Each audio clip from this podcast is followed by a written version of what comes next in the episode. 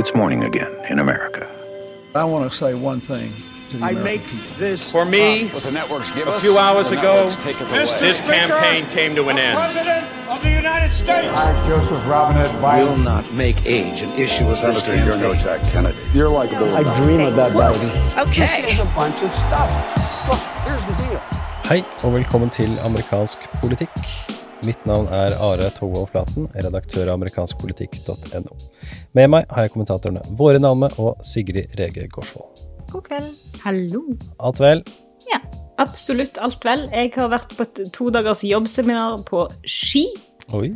Eh, et sted ingen drar til med vilje, tror jeg. Eh, og det, det må det vel lov å si at hotellet eh, bærer preg av. Det var hyggelig. Eh, vel, veldig hyggelig. Ja, altså. Det er jo hyggelig å på en måte treffe, treffe kollegas og sånt. Jeg begynte jo i jobben som jeg har nå under korona, så det er jo ikke så ofte du treffer, treffer liksom hele, hele gjengen ansikt til ansikt. Så det er veldig, veldig, veldig hyggelig. Men ski er ski. Det, det må det vel lov å si. Det er greit å si det. Um, jeg har selv da vært uh, hjemme på hjemmekontoret en såpass lang stund at uh, dere har begge kommentert uh, skjegget, og det må jo da eh, barberes litt før jeg går ut i offentligheten. Så det må gjøres. Ja, Vi må jo si at litt sånn veldig sånn true to character, så var Vårin veldig snill, og jeg var uh, i overkant ærlig. Men hallo, jeg var ærlig, jeg òg. Det var hyggelig. Jeg, først ble jeg glad, og så innså jeg realiteten. Det, er- det er bra. Men Henrik, han er ikke med oss. Han uh, Ja, av alle ting, så det skulle han eh, drive med curling i kveld. Jo, Dette skjønte ikke jeg. Skulle han, skulle han drive med curling, eller skulle han se på curling liksom fra OL? Men jeg skal spille. Skal spille. Nei, jeg skal spille curling. Det, jeg kan ikke curling. Det er curling. Det er curling. Det er, er noen ting som er viktigere enn å snakke om eh, Biden og Ukraina, og det er tydeligvis curling. Men vi skal snakke om Biden og Ukraina, Vårin. Jeg må bare skrive si Vi hadde da en, en podkast i kveld eh, på, på blokka, og vår melding da fra Henrik er da dukker opp en curlingkamp i kveld som jeg ikke kom meg unna. Ble flytta. Rekker ikke podkast. Så på lista over ting, Normal. På lista over Ja, ja. ting som denne podcast- podkastinnspillingene våre nå må liksom tilpasse oss rundt, så kan vi da legge til Henriks curlingkamper. Og det, det er jo litt gøy. Det må vi bare få inn i kalenderen, rett og slett. Ja. Ja, men det, jeg leser uh, massevis av uh, rapporter om uh, hva som skjer i og rundt Ukraina, og hva USA gjør med saken. Det er jo veldig spennende å følge med på. Det siste jeg så nå før vi begynte å ta opp, var at en talsperson fra Utenriksdepartementet i USA sa at eh, USA har informasjon på at Russland planlegger å fabrikkere bevis på at Ukraina går til angrep på Russland for å bruke det som unnskyldning til at de da eventuelt kan gjøre noe. Og så er jo så klart spørsmålet, eh, er det reelt, eller er det bare noe USA sier? Det gjelder, det gjelder en del av disse nyhetene. var noen amerikanske journalister som uh, snakka med Jen Psaki, uh, talskvinnen til Biden, uh, som ba om noen ytterligere bevis på det som ble sagt, og så var det en annen person fra Biden-administrasjonen som svarte at uh, altså, hvis, hvis dere ikke stoler på oss, så får dere vel stole på, på Kreml, da og Putin. Så det skapte jo, skapte god stemning. Saklig. Men eh, ja, Oren, hva, hva skjer?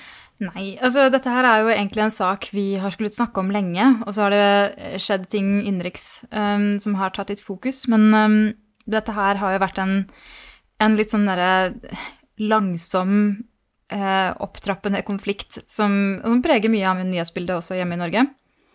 Som handler da selvfølgelig, som dere alle vet, om eh, at Russland har eh, ytret at de føler seg truet, føler seg omringet, um, og har visse krav uh, som de ønsker tilfredsstilt fra vestlig og amerikansk hold, og, og har da posisjonert styrker på grensen til Ukraina, og man frykter en ny invasjon. Um, til, som, som kommer da på toppen av alt det som skjedde i 2014 med invasjonen av Krimhalvøya osv. Så, videre. så um, dette her er jo en gigantisk uh, utenrikspolitisk test for Biden, um, som kommer liksom på, på markeringen, ettårsdagen hans, der han skulle ha en, en ny start, som han kalte sin første pressekonferanse. Og, og han også som en president som på en måte er en ringrev innenfor utenrikspolitikk, og dette er det han kan. Her er han selvsikker. Um, og så settes han også i denne situasjonen. Um, og så langt, så vidt jeg kan se, så har han jo også fått veldig mye kritikk innenrikspolitisk fordi at han rett og slett uh, kanskje virker svak, og, og at han er allerede i en vanskelig posisjon, men kanskje han også har satt seg litt i den posisjonen selv, rett og slett. Kan jeg stille et spørsmål uh, før vi på en måte går ut og snakker om Biden, som er um, Dette kan jo du en del om, Våren, så det er derfor jeg spør. Dette, handler dette Når Russland på en måte vil liksom, rasle med sablene overfor Ukraina, handler det om Ukraina, eller handler det om USA? eller Nato, eller Og er Ukraina bare det nærmeste stykket land, på en måte? Ja. Jeg, jeg er ikke noe ekspert på akkurat det, men jeg ville tro at det handler uh, det handler om det som også Blinken, utenriksminister Blinken sier at det handler om. Altså det handler om en, den, den derre gamle interessesfæretenkningen. At det handler om på en måte uh, at Russland, i hvert fall med, med Putin ved roret aldri har akseptert og, og, i økende grad vil utfordre den ordenen vi har nå, uh, og at han vil etablere en tydeligere interessesfære rundt, rundt seg, og at uh, han og det, at det er noe han har markert da, hver gang uh, hans naboland på en måte gjør steg retning Vesten.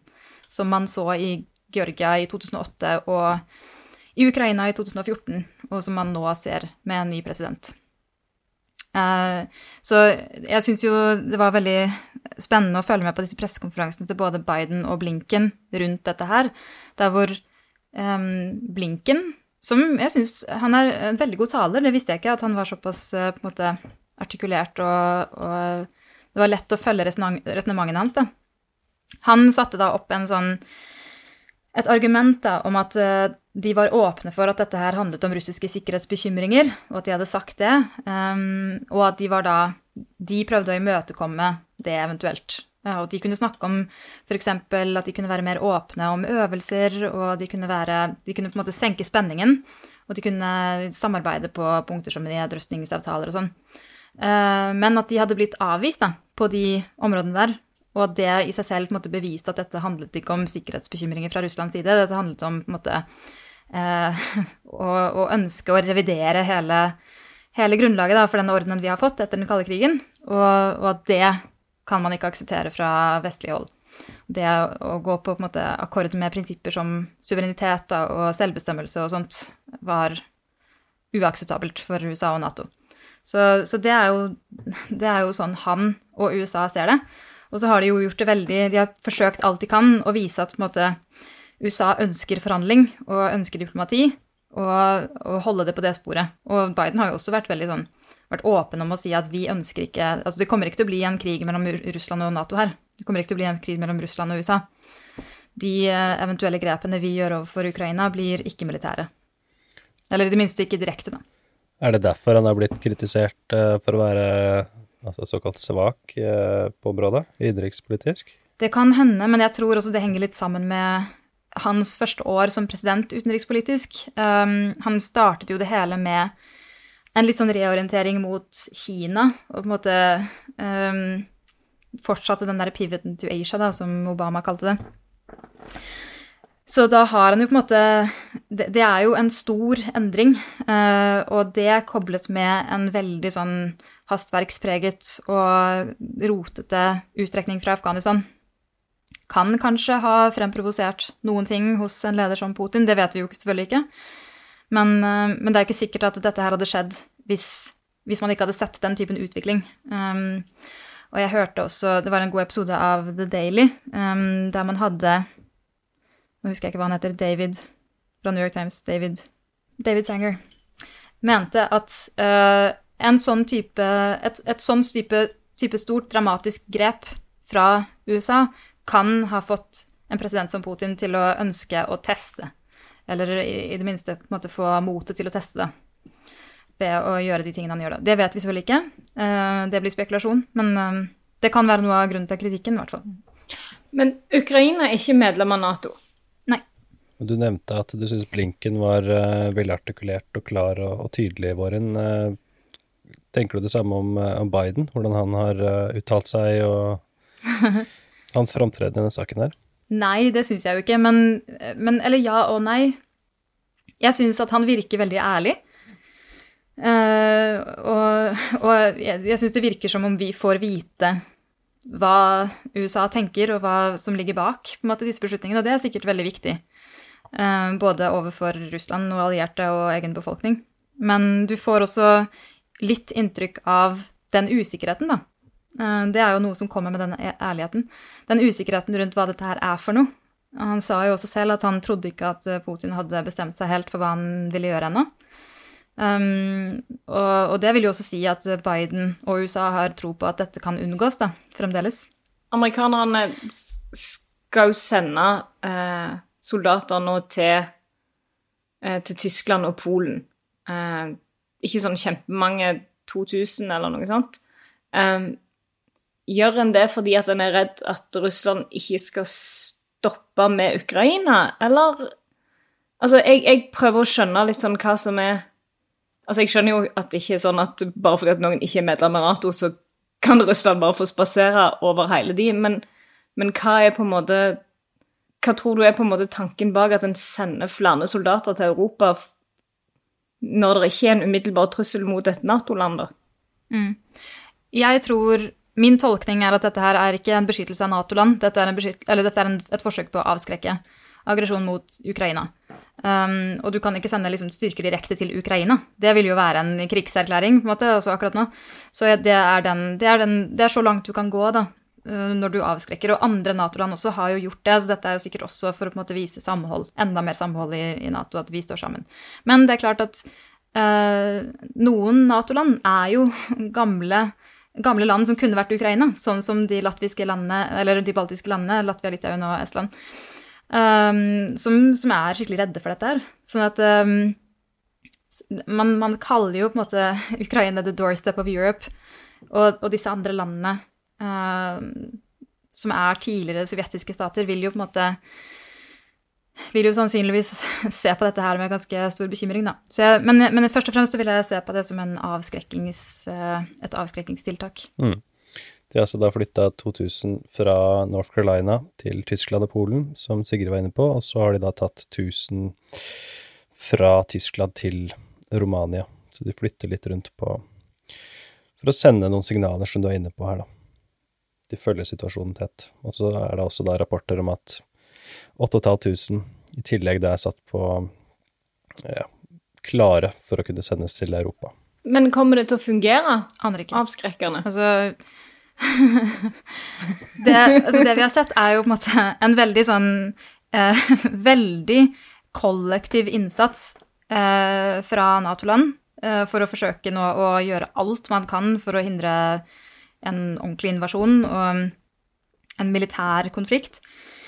Du har liksom alt fra Macron har snakket med Putin, Erdogan skal liksom være et bindeledd, eller et meglingsledd, eh, meklingsledd mellom Nato og Russland, selv om de er jo med i Nato, så altså Men uh, Biden har sagt uh, vi har en pakke med sanksjoner som er kjempekraftige, kraftigere enn tidligere sett. Um, de kommer til å bevæpne ikke bare ukrainsk liksom, offisielt forsvar, men også opprørsgrupper eh, som kan være skummelt i seg selv. Så de, altså de, har, de, har, vist at de er villige til å gå ganske langt, da. Også i alliert setting. Og eh, jeg tror nok, jeg tror nok det er en ganske stor konsensus i Nato-land om akkurat det. Så ser jeg også noen, øh, noen rapporter her som går på hvorfor øh, USA deler såpass mye av sin etterretning, og hva, som, hva Russland gjør rundt Ukraina, da. Eh, så skrives det blant annet i, i New York Times om at det at man viser dette til offentligheten igjen og igjen, kan uh, ha en annen effekt enn det man ønsker. da, At det rett og slett uh, framprovoserer noe. At man at kan føle seg tvunget til å gjøre noe man kanskje egentlig ikke har tenkt å gjøre. da. Ikke hva du tenker om uh, sånne typer spekulasjoner. Det er jo ikke nødvendigvis skrevet av journalister som vanligvis følger det så tett, men som nå også da kommenterer, kommenterer utenriks, ettersom det preger agendaen såpass mye. Ja, nei, det er vanskelig å si, og Og det er det jo alltid i, i en sikkerhetspolitisk krise der hvor spenningen er såpass høy, sånn at uh, misforståelser og eventuelle sånne provokasjoner kan få veldig store konsekvenser. Og da blir man jo også veldig obs på alle typer signaler og hva de kan føre til. Og jeg satt jo litt med hjertet i halsen på Bidens ettårs pressekonferanse, der hvor han Det virket rett og slett som han tenkte høyt gjennom hele pressekonferansen. Og det, det virket som du plutselig kan si et eller annet som er rett og slett litt farlig, da. Uh, noe han også har fått kritikk for. Men, eh, men, på den andre siden, det kan også virke som han er rett og slett veldig ærlig, og at man får, man får en troverdig beskrivelse av virkeligheten og, og, de vurderingene de gjør, fra ham, direkte fra ham. Um, så vanskelig å si hva som på en måte er konfliktskapende og konfliktdempende akkurat nå. Veldig spennende. Vi kommer tilbake til det her uh, senere tidspunkt. Og du skal jo kommentere det her i diverse medier. Ja, nå har det vært mye fokus på dette her i norsk debatt. Det er jo, det er jo en debatt som um, er ganske sånn polarisert. Um, de som strever etter etterstreber nyanser i dette her, de har en vanskelig jobb. Jeg ser den. De kan fort bli um, stempla som både det ene og det andre. Vi skal gå litt videre til noe helt annet. Um, noe som eh, illustrerer um, hvor skjørt flertallet til eh, demokratene er i Senatet. De har jo da faktisk da 16 senatorer som er over 70 år uh, gamle, demokratene. Men så er det en 49-åring som nå har fått slag, Ben Ray Luhan fra New Mexico, som nå fører til at demokratene er én mann mindre. Og så er det da spekulasjoner i hvor lenge blir han borte? Det snakkes om fire til seks uker, og hva det eventuelt kan få å si for, eh, for demokratene. Dersom det skulle bli mer langvarig. Ikke hva dere tenker om, eh, tenker om den saken som ble rapportert denne uka her? Nei, altså, det er jo Det er jo egentlig helt vilt i um, at Altså, selvfølgelig veldig forferdelig for denne 49-åringen som har fått slag, men det er jo òg noe med Som du sier, at det er på en måte 16 senatorer som er over 70, og iallfall et par-tre som er langt, langt over disse aktuartabellene som jeg liker å dra fram i disse sammenhengene. Eh, som Og det sier jo veldig mye om hvor utrolig vanskelig situasjon eh, demokratene er i akkurat nå. Eh, så antar jeg at eh, republikanerne ikke kommer til å finne på for mye eh, helvete med, den, med flertallet de har akkurat nå, men det er jo det er en veldig spesiell situasjon. Ja. Det er jo det. De har liksom de har ingenting å gå på. Ingenting å gå på. Og så hørte jeg Biden på sånn eh, National Prayer Breakfast, eh, som snakka om sin gode venn eh, Mitch McConnell. Um, som, som, Biden sa at han, han, holder alltid ord, og gjør alltid det han sier han skal gjøre. Eh, problemet for Biden og demokratene er jo ofte da hva han sier da Eh, han skal gjøre. Eh, men jeg vet ikke om det Det er sånn klassisk Biden. Uh, og ord som uh, kan tas ut av sammenheng og bevise for venstresiden i partiet at, at han ikke alltid setter hardt mot hardt. I tilfelle han bør gjøre det. Jeg lar meg aldri ja, jeg lar meg aldri slutte å overraske over Joe Bidens evne til å se republikanerglasset som halvfullt. Det, ja. det er episk, faktisk. Ja. Og, og altså, den evige sannheten, da, at uh, i, uh, i et sånt type demokrati, egentlig alle, men, men, særlig et sånt som USA er, så er man på en måte It takes two, da. Det er veldig lett å sabotere, rett og slett. Det er koselig, da, med sånn uh, pray breakfast. Er ikke det, Sigrid? Det er altså det absolutt særeste uttrykket for den her politikkteologien som de driver med der borte. Som ikke er det samme som det KrF driver med her borte. Som jeg måtte skynde meg å legge til hvis Henrik var her. Så nå gjør jeg det for sikkerhets skyld allikevel. Uh, nei, det, det, er faktisk helt ko-ko eh, sammenblanding av eh, stat og kirke som er bare helt hinsides uh, et sånn europeisk perspektiv. Men sikkert hyggelig. De har sikkert god mat. Men jeg tenkte vi kan uh, Ganske kort episode her, men uh, kort og god, syns jeg. Noen anbefalinger helt på tampen? Sigrid, du har fått, uh, fått med deg en uh, gammel kjenning av podkasten som har uh, ja, skapt nye overskrifter.